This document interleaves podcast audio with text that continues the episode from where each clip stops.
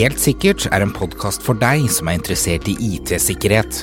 Her tar vi opp aktuelle nyheter, diskuterer dagens sikkerhetsutfordringer og deler gode råd for hva du bør tenke på rundt sikkerhet.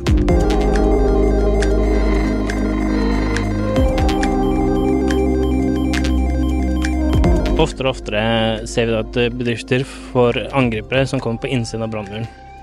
Der eh, noen bruker kanskje en tjeneste, kommer seg inn på ting som bedriften må ha oppe, eh, kommer inn på med en minnepinne eller en form for en metode for å komme på innsiden. Der de kan angripe kanskje det svakeste leddet, og så hoppe videre fra det svakeste leddet til en mer verdifull ressurs. Det er det vi ofte kaller lateral moment i en eh, angripers situasjon. Og for å unngå dette her, så har vi noe som vi ofte bruker for å segregere nettverket for å isolere hver enkelt ting. Så i dag skal vi prate litt om eh, segregering og soneinndeling av eh, bedriften. Velkommen til Helt sikkert. Mitt navn er Aleksander. Og mitt navn er Stian. I dag eh, dette, dette her blir liksom Dette blir ikke tørt. Jeg skal love dere at det ikke blir tørt. Det, det høres litt tørt ut sånn i utgangspunktet, men det blir det ikke. Nettverksregistrering. Vi, jobb, altså meg og deg er jo gamle nettverksingeniører. Gamle og gamle. Unge. Begynner å bli litt gamle. Begynner å bli eldre, i hvert fall. Ja. Men uh, vi har jobba innenfor dette fagfeltet lenge, og vi har jo vært borti litt av hvert når det kommer til nettverk, i hvert fall, med segregering. Mm. Man har jo ganske mange typer segregering. Ja, det er mange ting som man vil liksom si at man har en segregering og får en bedre segregering og sånne ting. Men ofte så er det det vi veldig mange, og kanskje alle har hørt litt om, er jo det her med DMZ. Mm -hmm. um, det er jo det som var den tidligste formen for segregering, der du hadde en når, Hvis du skulle ha noen internettjenester ut på nett, så satte du det i en DMZ-sone. Og det er vel den første tingen som jeg kan huske man prata om for segregering. Så, så DMZ står jo for Demilitarized Zone, hvis jeg ikke husker riktig feil. Ja. Mm. Og det er jo bare at du, du setter noe som skal være mer tilgjengelig i en sone der du kanskje gir tilgang fra internett og inn til en webserver, en mailserver eller et eller annet sånt. Og for at brukerne dine skal nå den også, så gir du tilgang fra brukernettet ditt på innsiden av LAN-nettet til DMZ-en og da kanskje litt mer tilgang for å administrere den fra landet ditt, da. Så, så, hvis vi ser det på, hvis vi tar et eksempel, hvis vi skal sammenligne med noe, så ville jeg kanskje sagt Hvis du tenker deg en sluse, at du er på vei inn til kontoret ditt, og så har de sluse, altså to, to dører etter hverandre. Så kommer du først inn i den ene slusa, og der har du en sikkerhetsvakt som står og sjekker om du får lov å komme inn i den andre slusa. Men i den slusa da, så har man da tjenestene. Slik at i den første slusa slipper vi inn besøkende som kan, skal komme på besøk til bedriften. og så Får de lov å snakke med sikkerhetsvakt, men de får ikke lov å snakke med resten av systemet? Nei, ikke uten at sikkerhetsvakt har funnet ut at du skal få lov. Ikke yes. sant? Og litt det med segregering, så er det jo det, det, er forskjellige metoder å gjøre det på, men normalt sett så er det bare det her med å dele det opp i forskjellige soner. Mm -hmm. Ofte det en normale bedriftsbrannmurer gjør i dag. Der du kan gi en sone der de kaller en sone LAN og en sone VAN, og sone dem sett. det er kanskje den enkleste formen for segregering. Men jeg vil da anbefalt kanskje til å ha litt mer segregering enn bare de tre sonene. Eh, som vi ser ofte, er at eh, bedrifter kommer, eller angripere kommer på innsiden og tar tak i det svakeste leddet i bedriften. Mm -hmm. Eksempel en maskin som en bruker har satt opp, får en e-post, laster ned en Excel-fil som da vil starte noen ting på innsiden. En, en brukeren ikke et handling, da, egentlig. Ja. ja. Og da, da er det på en måte Selv om hackeren eller angriperen er på utsiden av brannmuren, mm -hmm. så har da du som bruker laga en tunnel som den angriperen kan komme inn på innsiden med. Så hvis man tar eksempelet, da, at som jeg som, som sagt sitter på PC-en, som du sier, laster ned en Excel, eh, da kan det være hva som helst. Eh, da kan det være at jeg sender en e-post som sier her er årets uh, nye lønnsjustering. Altså, hvor mange vil ikke ha klikka på en e-post og sier hei, du har fått 10 000 mer i lønn, ja. og her er den nye lønnsslippen din. For eksempel, mm. eller veldig ofte så folk opplever det at de åpner PDF-er, så de får på mail, ikke sant. Og veldig mange av de tinga man får uh, på sånne mail eller eh, laster ned på web, kan inneholde ting som gjør at en angriper lager en bakdør fra din maskin, sånn at de kan komme inn på innsiden. Ja. Og da er det jo på innsiden. Da har de tatt kontroll over det svakeste leddet, som er ofte, ofte en brukermaskin, men det kan også være en uh, tjenestemaskin eller et eller annet sånt, som webserver, mailserver, RDP-server for eksempel. Men eh, altså, vi, vi snakker jo litt grann om tjenester. Så hvis du putter det i en DMZ, eh, altså, er det utsiden eller er det innsiden? Er det garanti at du ikke kan plassere ting på utsiden, hvis du segrerer på den måten, egentlig? Nei, men ofte så, ikke sant, eh, for eksempel hvis du tar det her med RDP, som kanskje er en del, del ting som vi ser ofte blir misbrukt, Mhm. og, og som veldig mange bedrifter har. Så har de kanskje da en server som brukerne sine RDP-er inn på, på maskinen, for å så få tilganger til noen filer eller et eller annet sånt. Ja. Og, og det vi ser, er at uh, hackere på en måte de hacker seg ikke, eller angriper hacker seg ikke veldig mye inn på sånne server lenger.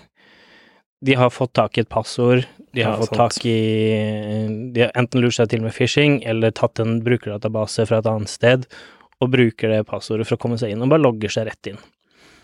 Så, så det, det, det er egentlig bare mer enn sånn stjålet passord, og det er ikke et angrep, sånn som du sier, egentlig. Det er mer et, hva er uautorisert pålogging, kan man Ja. kalle det?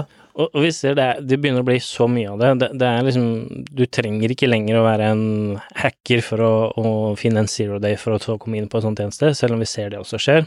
Men oftere og oftere så er det det at man bare kan logge inn. Det, det minner meg om en sak for, som jeg leste her eh, i nyhetene for ikke lenge siden. Det var to ungdommer som ble dømt for å ha hacka seg inn, eh, og jeg sier hacka, eh, inn i Dagbladet.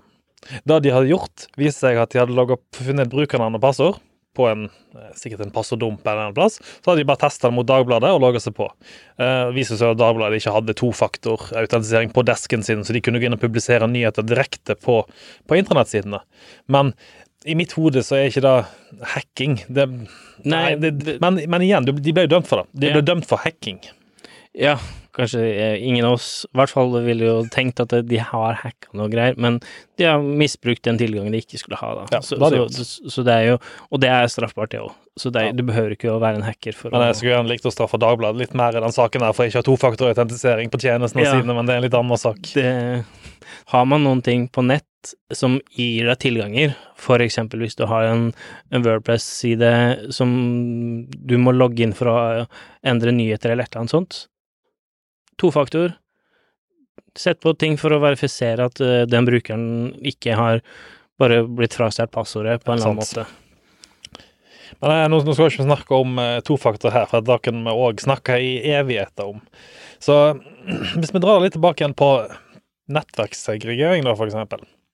Som sagt, gamle nettverksingeniører. Jeg husker tilbake igjen når jeg jobba i en tidligere bedrift, skal ikke nevne navn akkurat her, men en jeg jobba med, da, han fortalte at måten de segregerte nettverket på før, da var å bruke egne switcher for hver eneste funksjon. Yeah. Så de bygde opp hele nettverket basert på egne switcher. Og, eh, før VLAN kom, så var det selvsagt den normale måten å gjøre det på.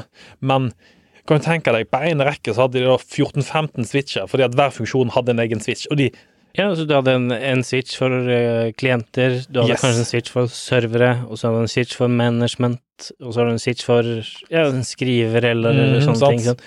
Og, og det er jo sånne ting som jeg ser som naturlig å dele inn i, i soner. Det er ofte det på brannmuren, men det vil jo si at du legger et VLAN i en bestemt sone, og så har du segregert det på switchen med forskjellige VLAN. Ønsket man prøver å oppnå da, er jo at eh, allting skal gå mellom en form for en, en firewall, uh, som gjør at du kan isolere at bare de tjenestene du skal bruke, er tilgjengelig fra det nettet, ikke sant. Vi har jo hørt om at det her kan skje flere. Um, Hydro i 2019 opplevde da at de ble angrepet av et ransomware. Ganske kjent. Den har vel de fleste hørt om der ute, tror jeg. Det tror jeg. Uh, og det viste seg at angrepene hadde kommet inn på en eller annen måte, og så hadde de gått fra den der de hadde kommet seg inn, og egentlig fått tilgang til flere deler av nettet, og til slutt da hele AD og domenet deres. Og når du da får tak i hele AD-domenet, så har du jo egentlig Da er du jo kongen. Da- Da eier du det meste, for å si det sånn. Yes. Og for å, for å unngå litt av sånne ting, da, nå, nå tror jeg at siden det her vil skjedd over flere land, så er det masse segregering i hvordan Hydro har satt opp Ja, ting. Det tror jeg også. Eh, men det er kanskje litt hvordan man har gjort segregeringen, med hvor stramt man har stramt den Mhm. til, og hvor, hva man tillater imellom nettverk. Som er veldig viktig. For, for det er jo ganske tydelig her, eh, Hydro-saken, at de som har angrepet Hydro, har klart å bryte disse barrierene som Hydro har satt opp. Så det har jo ikke vært godt nok. Eh, for i så fall så skulle hvis, La oss si at de hadde angrepet da en fabrikk, et fabrikknettverk i utkanten, og så hadde de kommet seg inn den veien. Eh, så skulle de blitt stoppa allerede der. De skulle ikke ha klart å komme seg videre. Uansett hvor mye de prøvde, så skulle de uansett ikke ha klart å komme seg videre inn. Så, så ofte det som vi ser, at kanskje de har kommet inn på en klient, øh, og så fra den klienten så har du lov til å gjøre alt mot domenkontrolleren din, eksempel. Ja. Du har ikke noen begrensninger med at du bare skal få lov til å åpne eh, L-app og Kerbros og, og, og Samberskjer, da, som er teknisk sett veldig detaljert hva, hva de men, men det er sånne ting som når du begynner å gra grave i hva du trenger å åpne, så er det sånne ting du må vite om eh, at maskinen din bruker. Det, det er ganske kult, for jeg har, har kjørt litt sånn demo eh, når jeg er ute hos kunder sant, på NetUse-kommandoen, hvor masse du faktisk kan gjøre med NetUse. Og det er, og, og PowerShell. Bare generelt sett en ren PowerShell-tilgang som har AD-tilgang. Mm. Og du kan basically hente ut eh, all AD-informasjon på en bruker. Så hvis jeg vil ha lyst til å vite når du sist logga på systemet, så kan jeg bare kjøre en, en kommando i PowerShell og få ut all informasjonen. Det er sist pålogga hvilken gruppe du har tilgang til absolutt alt. Ja, og det kan en hvem som helst bruker Yes. gjøre mot hvem som helst i, i, AD. Ja. Og vi ser ofte at eh, folk, eh, IT-teknikere, skriver kanskje litt mye ting i Og description-feltet eller annet sånt. Eh, så har vel opplevd at der står det et passord eller et eller annet sånt. Så bare det du kan browse i, i AD og finne det lett. Det er akkurat da, for det, det er veldig lett å tenke at når du har et sånt metafelt, f.eks. i AD, så holder det seg i Active Directory. Det er kun de som har tilgang til AD. Men sånn er det ikke, fordi jeg som autentiserer meg, jeg må kunne autentisere andre òg.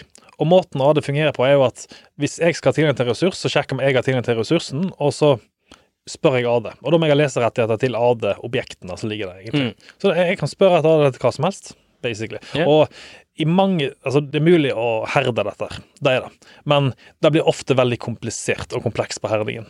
Ja, og vi ser at det skjer veldig sjelden, i hvert fall i norske bedrifter. Jeg har egentlig aldri opplevd, selv om det er små eller store, at uh, det har skjedd i et ordentlig system.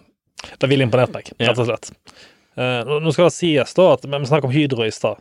Eh, Hydro som sagt, de, har ikke kjørt et flatt nett. For hadde de kjørt et flatt nett, som vi skal forklare litt hva mer hva betyr etterpå, så hadde angriperne gått mye raskere frem. Da hadde det vært over på Sånn hadde det vært over, basically. Det, det er ofte det vi ser, at de som ble angrepet av ransomware, som bare får ransomware med en gang, det Mhm. logga inn på RDP, flatt nettverk, fikk spredd seg inn til alle maskiner på eh, nettverket, og, og sprer ransomware med en gang. Men flatt nettverk, kort fortalt. Kort fortalt så er jo det at du har mm, klientmaskinen din, laptopen, trådløse mobiltelefoner, eh, devicer, skrivere, management til, eh, til utstyret ditt, eh, for eksempel switchen, mm -hmm.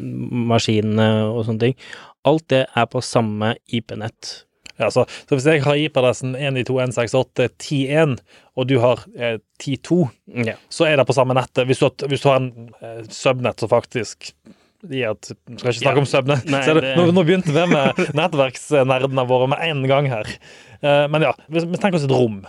Et, eh, et, et, eh, et kontor. La oss tenke oss et kontor med bedriftsverden. så la oss ta et kontor.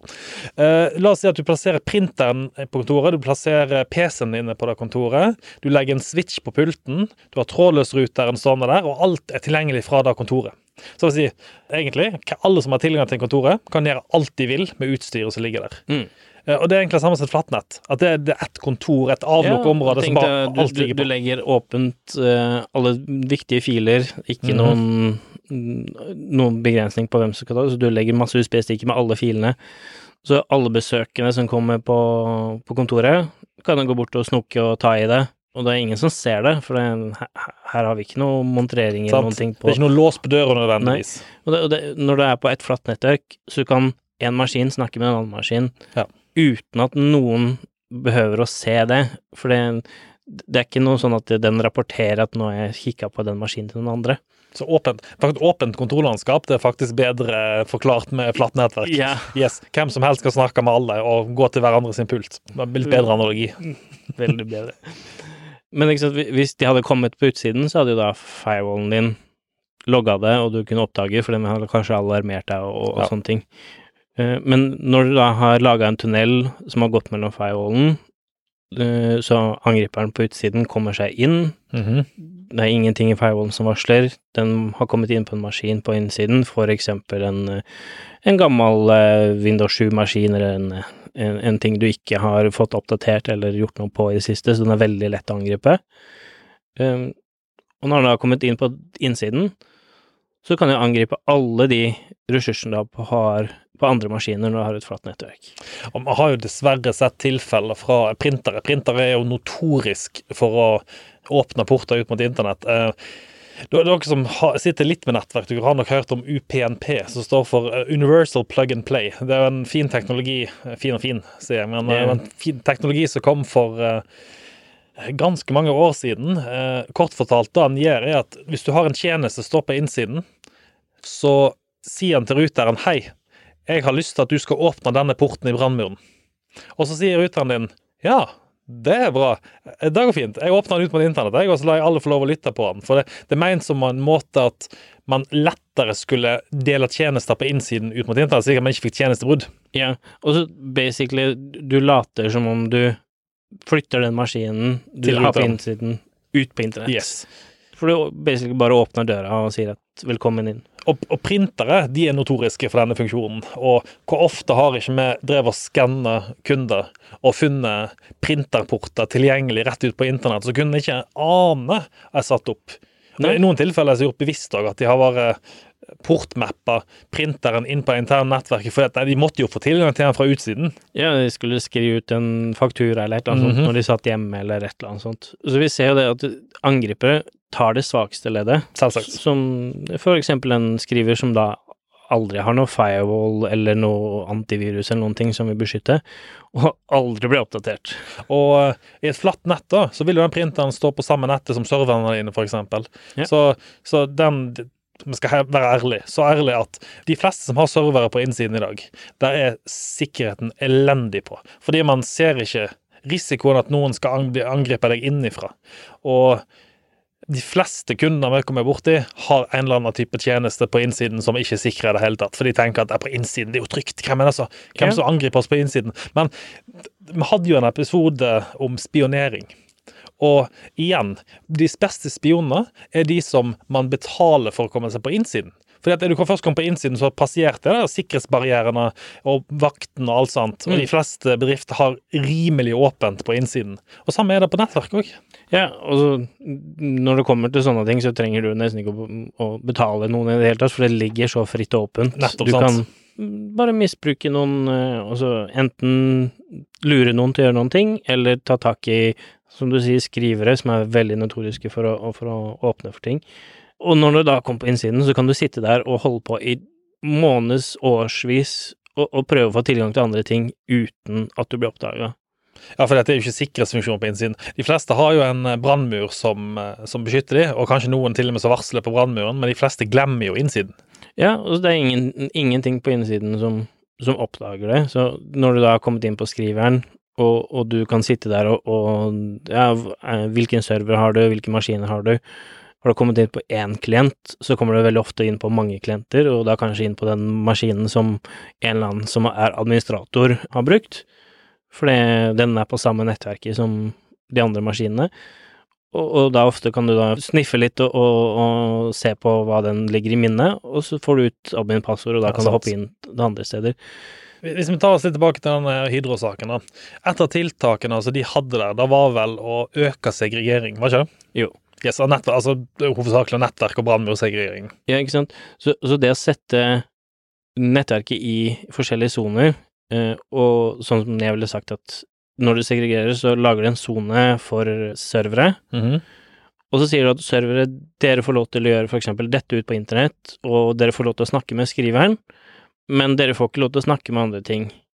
Så, så det som vi egentlig gjør da, hvis vi ser for oss å åpne kontorlandskapet igjen, da, så tar vi egentlig hver komponent som vi anser som kritiske. De ansatte blir jo selvsagt sittende i samme miljø fortsatt, men vi tar printeren og plasserer den på en kontor, så låser vi døra.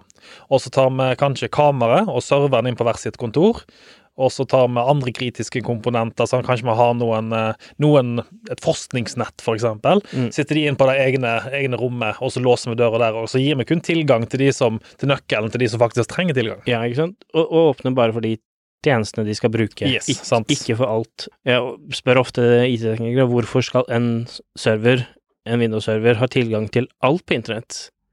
Normalt sett en, eksempel en print-server, en AD-server, den skal ut og hente Windows Update. Den trenger ikke ha tilgang til hele internett, som ofte vil, vil begrense mye ting, da. For det er et ransomware som vil angripe en sånn maskin, må ut og hente en nøkkel fra en bestemt server eller et eller annet sånt.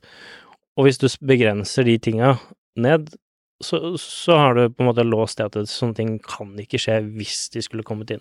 Så hvis du vet eksempel at eh, den serveren du har, kobler seg på Windows Update som eksisterer i Norge, så kan man egentlig bare låse all trafikk til utlandet vekk fra den serveren. Ja. Slik at hvis et virus kommer inn, så har du ja, altså, Det er et enkelttiltak. tiltak. Hvis viruset kommer inn, så har du i hvert fall blokkert ut utenlandstrafikk. I hvert fall varsling på det, slik at du får alarm og sier hei, Ja. eh, du prøvde å koble deg til Kina nå, og den serveren der skal aldri være kobla til Kina. Nei, ikke sant? Så hvor flere regler man kan sette som vil blokkere ting, og da sette på litt logging, så man kan få varsel når ting skjer. Eh, Så selv om du da hadde brukt en zero day, som, som egentlig ingen fire, firewaller og IPS-er og sånne ting hadde blokkert, så får du i hvert fall en varsel hvis de prøver på noen ting som de ikke skulle ha gjort. Så, så kort fortalt, en zero day det er en sårbarhet der fortsatt ikke finnes en patch til. En Patch eller deteksjon for. Ja.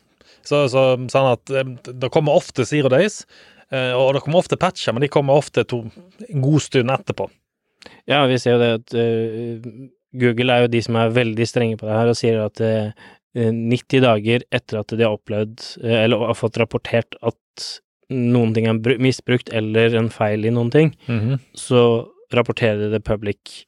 Ja. Um, andre selskaper har kanskje lenger, uh, og Microsoft bruker kanskje, etter at de har blitt fortalt eh, til en sårbarhet, kan fort bruke to-tre måneder, mm, kanskje lenger, på å tette inn et tull. Så selv om man da får en patch, så kan den ofte Vi ser i hvert fall nesten hver gang Windows Update kommer, Mhm. at en av de patchene patcher en ting som er blitt, allerede begynt å blitt brukt ute der. Så du er faktisk usikker før du har fått patchen. Det er faktisk sant. Det, det er helt rett. Det er å Ja. Det tar tid før det kommer. Men hvis vi Husker du fortalte om de der eh, switchene? eh, Og segregering av switcher? Jeg vet hvordan jeg ville gjort det. Hvordan ville, hvordan ville du gjort det istedenfor det? Altså ja, det, altså, jeg skal ikke late som jeg ikke vet det, for jeg vet jo hvordan jeg skal separere nettverk. Men kort VLAN. VLAN De som ikke har vært borti det. Ja, VLAN er jo som du begynte på, det er med et virtuelt nettverk, der du på en måte later som du har flere switcher inni en switch. Ja. Så du segregerer forskjellige porter, at de og de portene de hører, kan være på samme nettverk, og de og de portene er på et annet nettverk. Og jeg skal si at Grunnen til at dette selskapet kjørte 15 forskjellige switcher, var fordi ikke de stolte på VLAN. Ja. De stolte ikke på den teknologien. Det er en gammel teknologi, og relativt sikker for de vanligste angripene. Det er det. Um, og det er enkelt. Um, de fleste switcher i dag, uh, de som har iallfall um, management på seg, støtter VLAN-funksjonaliteten. Det skal mye til for å finne en switch ikke støtter det. Det er nok litt uh, mer uvanlig på hjemmerutere. Uh, hvis du går hjem og sjekker rutene dine nå, det er dere som lytter på, uh, så vil dere mest sannsynlig se at alle enhetene deres står på ett nett. Så kan du tenke over hvor smart det egentlig er. Personlig så kjører jeg full VLAN-struktur hjemme, men det er jo fordi jeg er en IT-nerd, så jeg skal ha alt på Ja. forskjellige plasser. Men Men, men du, du ser jo også veldig ofte på hjemmeruter at de har LAN, Mhm. DMZ og WAN. yes. Der DMZ og LAN er jo to forskjellige isolerte nettverk. Det er jo det. Um, Så, så du allerede der begynt med isolering, men ofte kanskje ikke nok isolering. nei, og så er det også rimelig vanskelig. La oss ha en vanlig rute, da, så har du fem nettverksutganger på. Uh, for å sette opp DMZ, så Og de, de fem forsvinner fort. Og så hiver du på trådløst. Jeg vet ikke, det er vrient, fordi at en vanlig hjemmebruker har normalt sett ikke tjenester å plassere i en DMZ. Nei, normalt sett ikke. normalt sett. Jeg ville for eksempel Hadde du hatt et eh, IP-kamera som, eh, som ville snakke til en Yes. public tjeneste, der du ikke logga rett på IP-kamera, eksempel, men du måtte gå ut på en klar tjeneste. Så det plassert en DMZ. Det ville jeg sette en DMZ, for de er notoriske for å åpne, sånn at du kan komme Mm. inn på de, og når du først har kommet inn på de, så kan du hoppe videre da. Og det er jo akkurat de tingene vi prøver å unngå, at du kan hoppe videre fra en device til en annen device. Jeg tror det er litt for vanskelig. Mitt, mitt, mitt synspunkt er at alt dette her blir for vrient for den vanlige brukeren. Hvis ikke du er litt sånn IT-nerd, sånn som jeg og deg er, blir dette her for komplisert, rett og slett. Altså, hadde altså, jeg skal ta Apple som, som eksempel. Apple er sjukt gode til å lage produkter som er brukervennlige. Produkter som 'sorry, pappa', pappa kan bruke, og mamma kan bruke. det, det, altså, det er sånn at mamma kan ta opp telefonen, hun klarer å sette opp Apple eh, uten å få hjelp av meg på noen måte, mens Mm. pappa som har Android, han ringer ofte. Ikke sant? Og Sant? Men- Men det behøver ikke være så veldig vanskelig hvis du faktisk setter på, og, og det utstyret du har, har de riktige tjenestene. Nei, det bør ikke være vanskelig, men jeg føler at produktene gjør det verre enn det. Altså, Asus, for eksempel, fantastisk god ruter, og de lager gode produkter, Mm. men de er jo ikke brukervennlige. Det er ikke sånn som pappa klarer å sette opp. Nei, øh, så isolering er kanskje ikke akkurat ment for hjemmebrukeren, Nei. men, men det, det er et, nesten et must når det kommer til kontor og bedrifter. Det det. Og, og, og vi ser jo det er veldig mange som tar i bruk sånn Ubiquiti, for eksempel. Um, og, de har et ganske fint webgrensesnitt, eh, og, og enkelt å sette opp forskjellige soner og forskjellige nettverk. Veldig grafisk. Ja. Du slipper å tenke på alle disse konsollene og alle disse kli-kommandoene som jeg er. Skal du innrømme, jeg liker bedre å ha tilgang til Cisco IS sin, eh, sin CLI, eh, og ikke er så glad i webinterface, for Cisco er veldig dårlig plaga webinterface, så det er sagt. Men eh, ja, altså for den vanlige bruker, og kanskje for den vanlige IT-ansvarlige, som ikke har tid til å sette seg inn i alle disse CLI-verktøyene, så er webgrensen ditt veldig bra. Pluss at jeg mener Ubiquiti har ikke de også automatisk oppsett av altså provisjonering av aksesspunkter, f.eks.? jo, så der kan du jo ofte sette bare inn et nytt punkt. Det dukker opp i webgrensesnittet, og sier du at det her skal brukes på den og den Mhm. måten, og så er det ferdig konfigurert. Sømløs konfigurasjon. Det er sånne, sånne løsninger. Hadde det vært sånn på sikkerhet òg, yeah, da, da snakker vi sikkerhetsløsning, og så hadde det fungert. Og, og segregert, så hadde de kommet ferdige løsninger som bare, var, som bare virka. Mm. Og liksom det vi ofte sier, at uh, kanskje mange lurer på hva man bør segregere, og hvorfor. Ja, Um, det var kanskje et viktig poeng. ja, og ofte Altså, eh, nå, nå går vi veldig inn på personlig syn her, men jeg, jeg mener det at ofte så skal man segregere et nettverk i en hvilken som helst bedrift i minimum seks deler. Ja. En del der du har management av utstyret, sånn som for eksempel IP-adressen til switchen. Eh, ofte så har en server en sånn ILO eller management-port Mhm. for å administrere den. Sånne ting burde være da et, på et isolert nettverk. Og så har du servere, og så tjenestene, sånn som eh, AD, printserver og sånne ting. De sitter man da i hvert fall på én egen sone, i en egen segregert del. Og så har du alle devices, sånn som eh, skrivere, mm, devices som egentlig ikke har noe antivirus, noe firewall på seg, ikke sant, som du ikke kan beskytte ekstra. Ja. Eh, og så har du klienter. Eh, da tenker jeg på trådfaste klienter, sånn som Når du sitter på pulten din sant, og kommer Ja. til dokkingstasjonen, så er det mest sannsynlig på en Ja, som ofte Kabel. har da en, i hvert fall en form for beskyttelse, en brannmur, en antivirus og Yes. sånne ting. Ehm, ofte så ville jeg sagt at du vil da segregere det trådløse, for, mm. det trådløst er på en måte en litt annen teknologi i hvordan man beskytter de sånn nettverksmessig, så det er også en sone jeg vil ha. Mm. Og så gjester. Gjestene Ja. dine vil du aldri tillate inn på nettverket ditt der du har servere og, og andre ting, ikke sant. Uh, Gjestenettet er nok den farligste plassen i bedriften din noensinne. Det finnes ingen plass som er mer utsatt enn gjestenettet ditt. Uh, Fordi du kan tenke deg sjøl, der eksisterer alt mulig rart. Du har null kontroll på hvem som befinner seg der. Ja, Og vi ser ofte, jeg opplever veldig ofte, når du kommer på et gjestenettverk, så bruker man DNS-en til uh, serveren som DNS-en for gjestenettverket.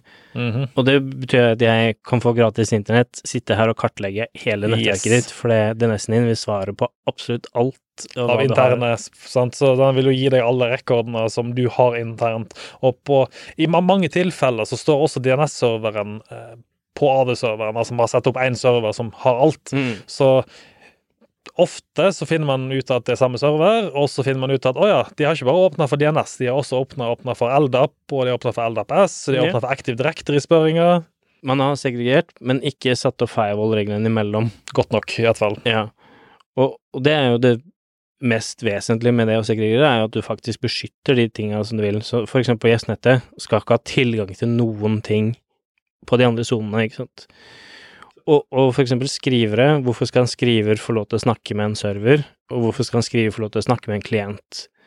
Eh, Den vil jo egentlig kanskje innimellom ha tilgang til internett, mm -hmm. for å få en oppdatering, men da bare akkurat når du trenger, hvorfor skal du egentlig Det blir et nettverk som jeg ville sagt åpne for firewallen når det trengs. Det, det er en god regel å følge. Eh, er ikke det always block, then open? Er Ikke, ikke det, du, du kan velge to måter å åpne brannmuren din på. Du kan velge å open all, then block, og så kan du block all, then open. Så kan, du, så, kan, så kan du gjette der ute hva som er mest sikkert. Mm -hmm. uh, det, det er et riktig svar og et galt svar. Men også, det, ikke sant, når du da En server kan jo da snakke med en skriver fordi den skal skrive ut, men klienten trenger ikke å snakke med en skriver, for du bruker ofte eh, serveren som, som en skriver. Ja. Så i flest tilfeller skal jo ikke printeren kunne snakke ut på internett i det hele tatt, egentlig. Nei. Og ikke sant, hvis du da får isolert det, så kanskje du til og med da isolerer noe vi kaller uh, client installation eller uh, port security på switchen på de portene som går til klientene. Ok, Den skal du forklare litt nærmere Ja. før, du, før du går videre. Ikke sant, du har sona inn delen, du har satt alle klientene dine på et VLAN, -hmm. eller på et samme trådløst nettverk. Normalt sett så kan jo alle de som er på et nettverk, snakke med hverandre. Ja. Ikke sant? Sånn som en server skal snakke med en annen server for å få lov, ikke sant. Men klienter, trenger de en snakke med en annen klient? I utgangspunktet ikke. Nei. Det er ytterst få tjenester og, og sånne ting som trenger å snakke med klientene mellom hverandre, som ikke har en felles servertjeneste, eksempel. Ja. Eh, Det kan være sånne tjenester sånn som om du har et f.eks. for eksempel et TV du skal koble på remote, som du ønsker fra en klient å snakke med TV, men da kan du gjøre unntak. Ja. Men hvis du da får beskytta sånn at én klient kan ikke snakke med en annen klient, Mhm. som vi i hvert fall i trådløs verden kaller client isolation, og på switcher på VLAN og sånne ting, det er ofte port security eller uh, Private private VLAN på. som På security er, noe litt annet. Ja, ehm, det er ikke sånn. Port security. Nei, port, s- nei, nei, nei. Du, er det, altså, port security, det er portblokkering på MAC-adresse. Yeah. Private VLAN er skillet. ja, men det har eh, noe security port også som gjør private VLAN automatisk Men eh, du, du er inne på Cisco-verden nå, og du blander de to begrepene. Yeah. Men ja, du, du er inne på det. Private VLAN er jo Hvis vi bruker private VLAN da, for det er noe som er kjent, Mm. så, så er jo den funksjonen som du sier eksisterer, å ta i bruk. Og å ta den i bruk, det, det er ikke en grunn til at jeg skal sitte og snakke med deg på klientnivå. Nei. Og det vil også forhindre at et virus eh, Når jeg kommer inn på en PC, så det første den gjør, er å kartlegge PC-en.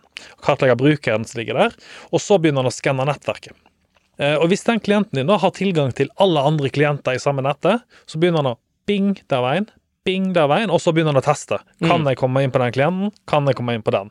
Og så sprer det seg videre. Og hvis en av de klientene har tilgang f.eks. inn på servernettet, så begynner han å teste servernettet. Mm. Og på denne måten så kan man da hoppe over sånne segregerte nettverk, fordi man alltid finner den ene linken. Og Ja. det, samme som skjedde i Hydros tilfelle, med at eh, ikke nødvendigvis et virus gjorde det, men det har vært folk inne i nettet, og så har de funnet de enkeltstående linkene som hang rundt i hele selskapet helt til de kom til toppen. Litt som en sånn spindelvev der du hopper fra steg til steg. Men det er jo ofte du må åpne sånne tjenester fra en klient til en server, Mhm. for det, det er det den bruker. Men hvis du da åpner kun for de tinga den trenger å bruke, så ville et sånn angriper Han ville prøvd på så veldig mange andre ting, Yes.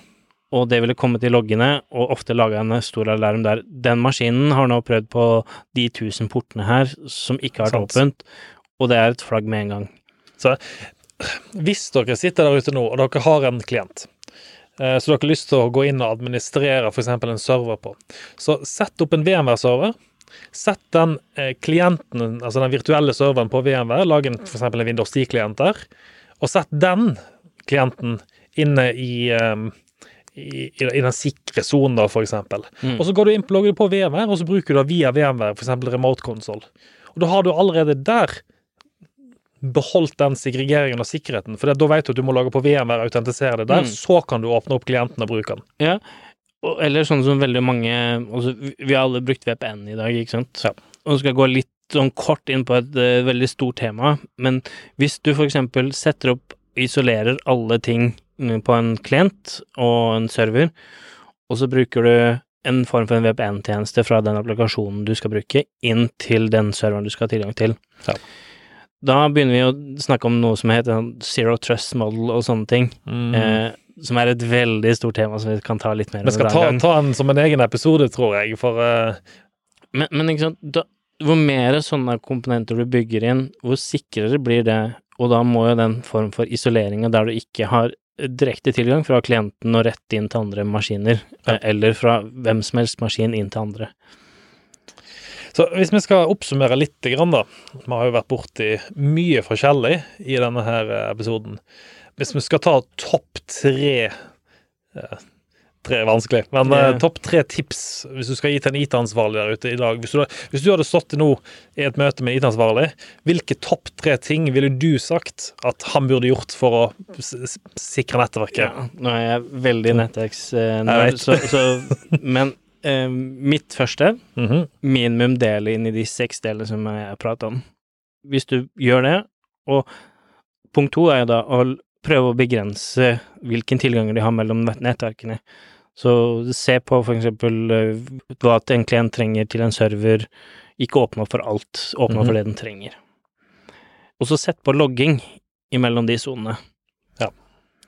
For da har du i hvert fall isolert de, begrensa hva de har tilgang til, og satt på logging, så du kan oppdage og se på loggene og varsler når ting det skjer. Hvis du da kan sette på logg i tillegg til IPS og sånne ting, for å automatisk oppdage ting imellom den sonen, Mhm. så er det et supert Så jeg, vil nok også legge til altså ekstra punkt. Eh, Du nevnte private VLAN og client isolation. Ja. Det da vil jeg si er er nok en av de viktigste tingene du kan gjøre bare for å hindre spredning dersom det skulle skje noe. Så har du mye verdifullt på klientene, så er det et veldig godt Jeg vil si uansett, Ja. egentlig. Hvis, hvis du, la oss si det sånn, mitt råd hadde vært da Hvis du ikke har en grunn for å ikke aktivere det, Mm. så skal det stå på som default. Eh, og da må jeg bare nevne fort at hvis du gjør det på et servernettverk der det er veldig vanlig at server snakker med hverandre, Så kan ting gå galt. så kan ting gå galt. Så det, det er mer brukt for rene klientnettverk, der du har ting Yes. som ikke skal snakke Det var, sammen. det var bra du sa, for så ikke noen går inn nå og så aktiverer det på servernettet, og så Ja, det er klart det er ikke AD-serverne våre snakker sam lenger sammen, og de gikk ut av synk. Takk, Aleksander. Så ja, for så vidt et bra tips. Ja, nei eh, Men ja, også tenk på fysisk og logisk segregering. Vi har ikke snakket så veldig mye om datasenter og sånt. Vi skal ikke ta det så veldig masse her nå, men eksempel serverplassering. Fysisk tilgang versus logisk tilgang. Logisk er jo da VLAN og kabling og alt dette her. Altså, det, det er jo massevis av områder som man egentlig burde gå inn på. ja. Men eh, vi skal ikke, vi har ikke tid til det i dag. Nei. Og så, selv om jeg nevnte de med seks soner, så er kanskje den naturlige sonen som alle har hatt evig, DMZ, Ja. den er en naturlig ting i tillegg, Yes. hvis du har noen tjenester på internett. Bruk som- den sonen. Ja, ja, har du ADP, plasser den i DMZ-sonen. Ja. Og, og her er nok beste tipset. Hvis du ikke veit hvordan du skal gjøre det, så bare ta kontakt med en IT-partner. så vet hvor, De vet hvordan de skal gjøre det. Hvis ikke de vet det, så skal jeg eh, komme ut der og kjefte på dem. For hvis, eh, hvis det finnes IT-partner der ute nå som ikke skjønner VLAN og segregering av nettverk, Mm. så, eh, så skal jeg heller reise ut og Ja, lære de da, for å si det sånn. og, og bare for å, alle de som er sånn bekymra for å, å, sette det her på fordi at de har opplevd at ting ikke funker, eh, masse ting sånn som eh, man automatisk finner servere og, og, sånne ting på nettverket, at man da finner automatisk ting som popper opp eh, automatisk og sånne ting. Mm -hmm. det er mange funksjoner for å få det her til å fortsatt funke ja. helt sømløst, selv om du gjør en isolering. Så og det, det, er litt mer teknisk, så ta kontakt med en IT-partner hvis ikke du vet helt konkret hvordan du gjør det. Jeg skal gi et siste tips. Hvis du velger å gå for VLAN-separasjon på nettverket ditt, ikke koble internettet inn som et av VLAN-ene på switchen. Nei. Det er et lite tips. Mm -hmm. Vi har vært borti en god del kunder som har tenkt at ja, hvis vi bare kobler til internetten på denne, så kan vi spre den på alle brannmurene våre. Mm -hmm. Bruk en egen switch på utsiden som ikke har noe som helst annet på. Hvis du må, for eksempel, hvis du har én linje fra leverandøren, IT-leverandøren din, så du skal dele på to brannmurer, så er det den beste løsningen. Ikke koble eh, internetting på interne ting. Nei. Nei. Det, du, de, de, som kjenner til det her med trunk vet at da sprer du det nettverket potensielt yes. til alle andre mm. nettverkenheter eh, du har. Så. Ja. Og snakk med en nettverksingeniør hvis du lurer på noe, egentlig. De kan gi deg De, de er eksperter på dette, rett og slett. Så jeg, jeg, tenker da egentlig var, var nok for i dag. Vi har jo vært eh, Det har vært blitt litt, som sagt, teknisk i dag. Men, men eh, ja, så jeg tenker vi gir oss for i dag. Ja. Så får dere ha en fortsatt riktig fin dag der ute, selv om det ikke akkurat ute nå er det beste været. Så forhåpentligvis så har dere mye bedre vær når dere hører på podkasten. Ja, og hold dere friske. Ikke sant. Ha det bra. Ha det bra. Podkasten Helt sikkert er laget av Cybron Security og produsert av Shaw Media. For mer informasjon om IT-sikkerhet, gå inn på cybron.no, eller så finner du oss også på Facebook under navnet Cybron Security. Vi tar gledelig imot innspill, tips eller om du har spørsmål rundt din IT-sikkerhet.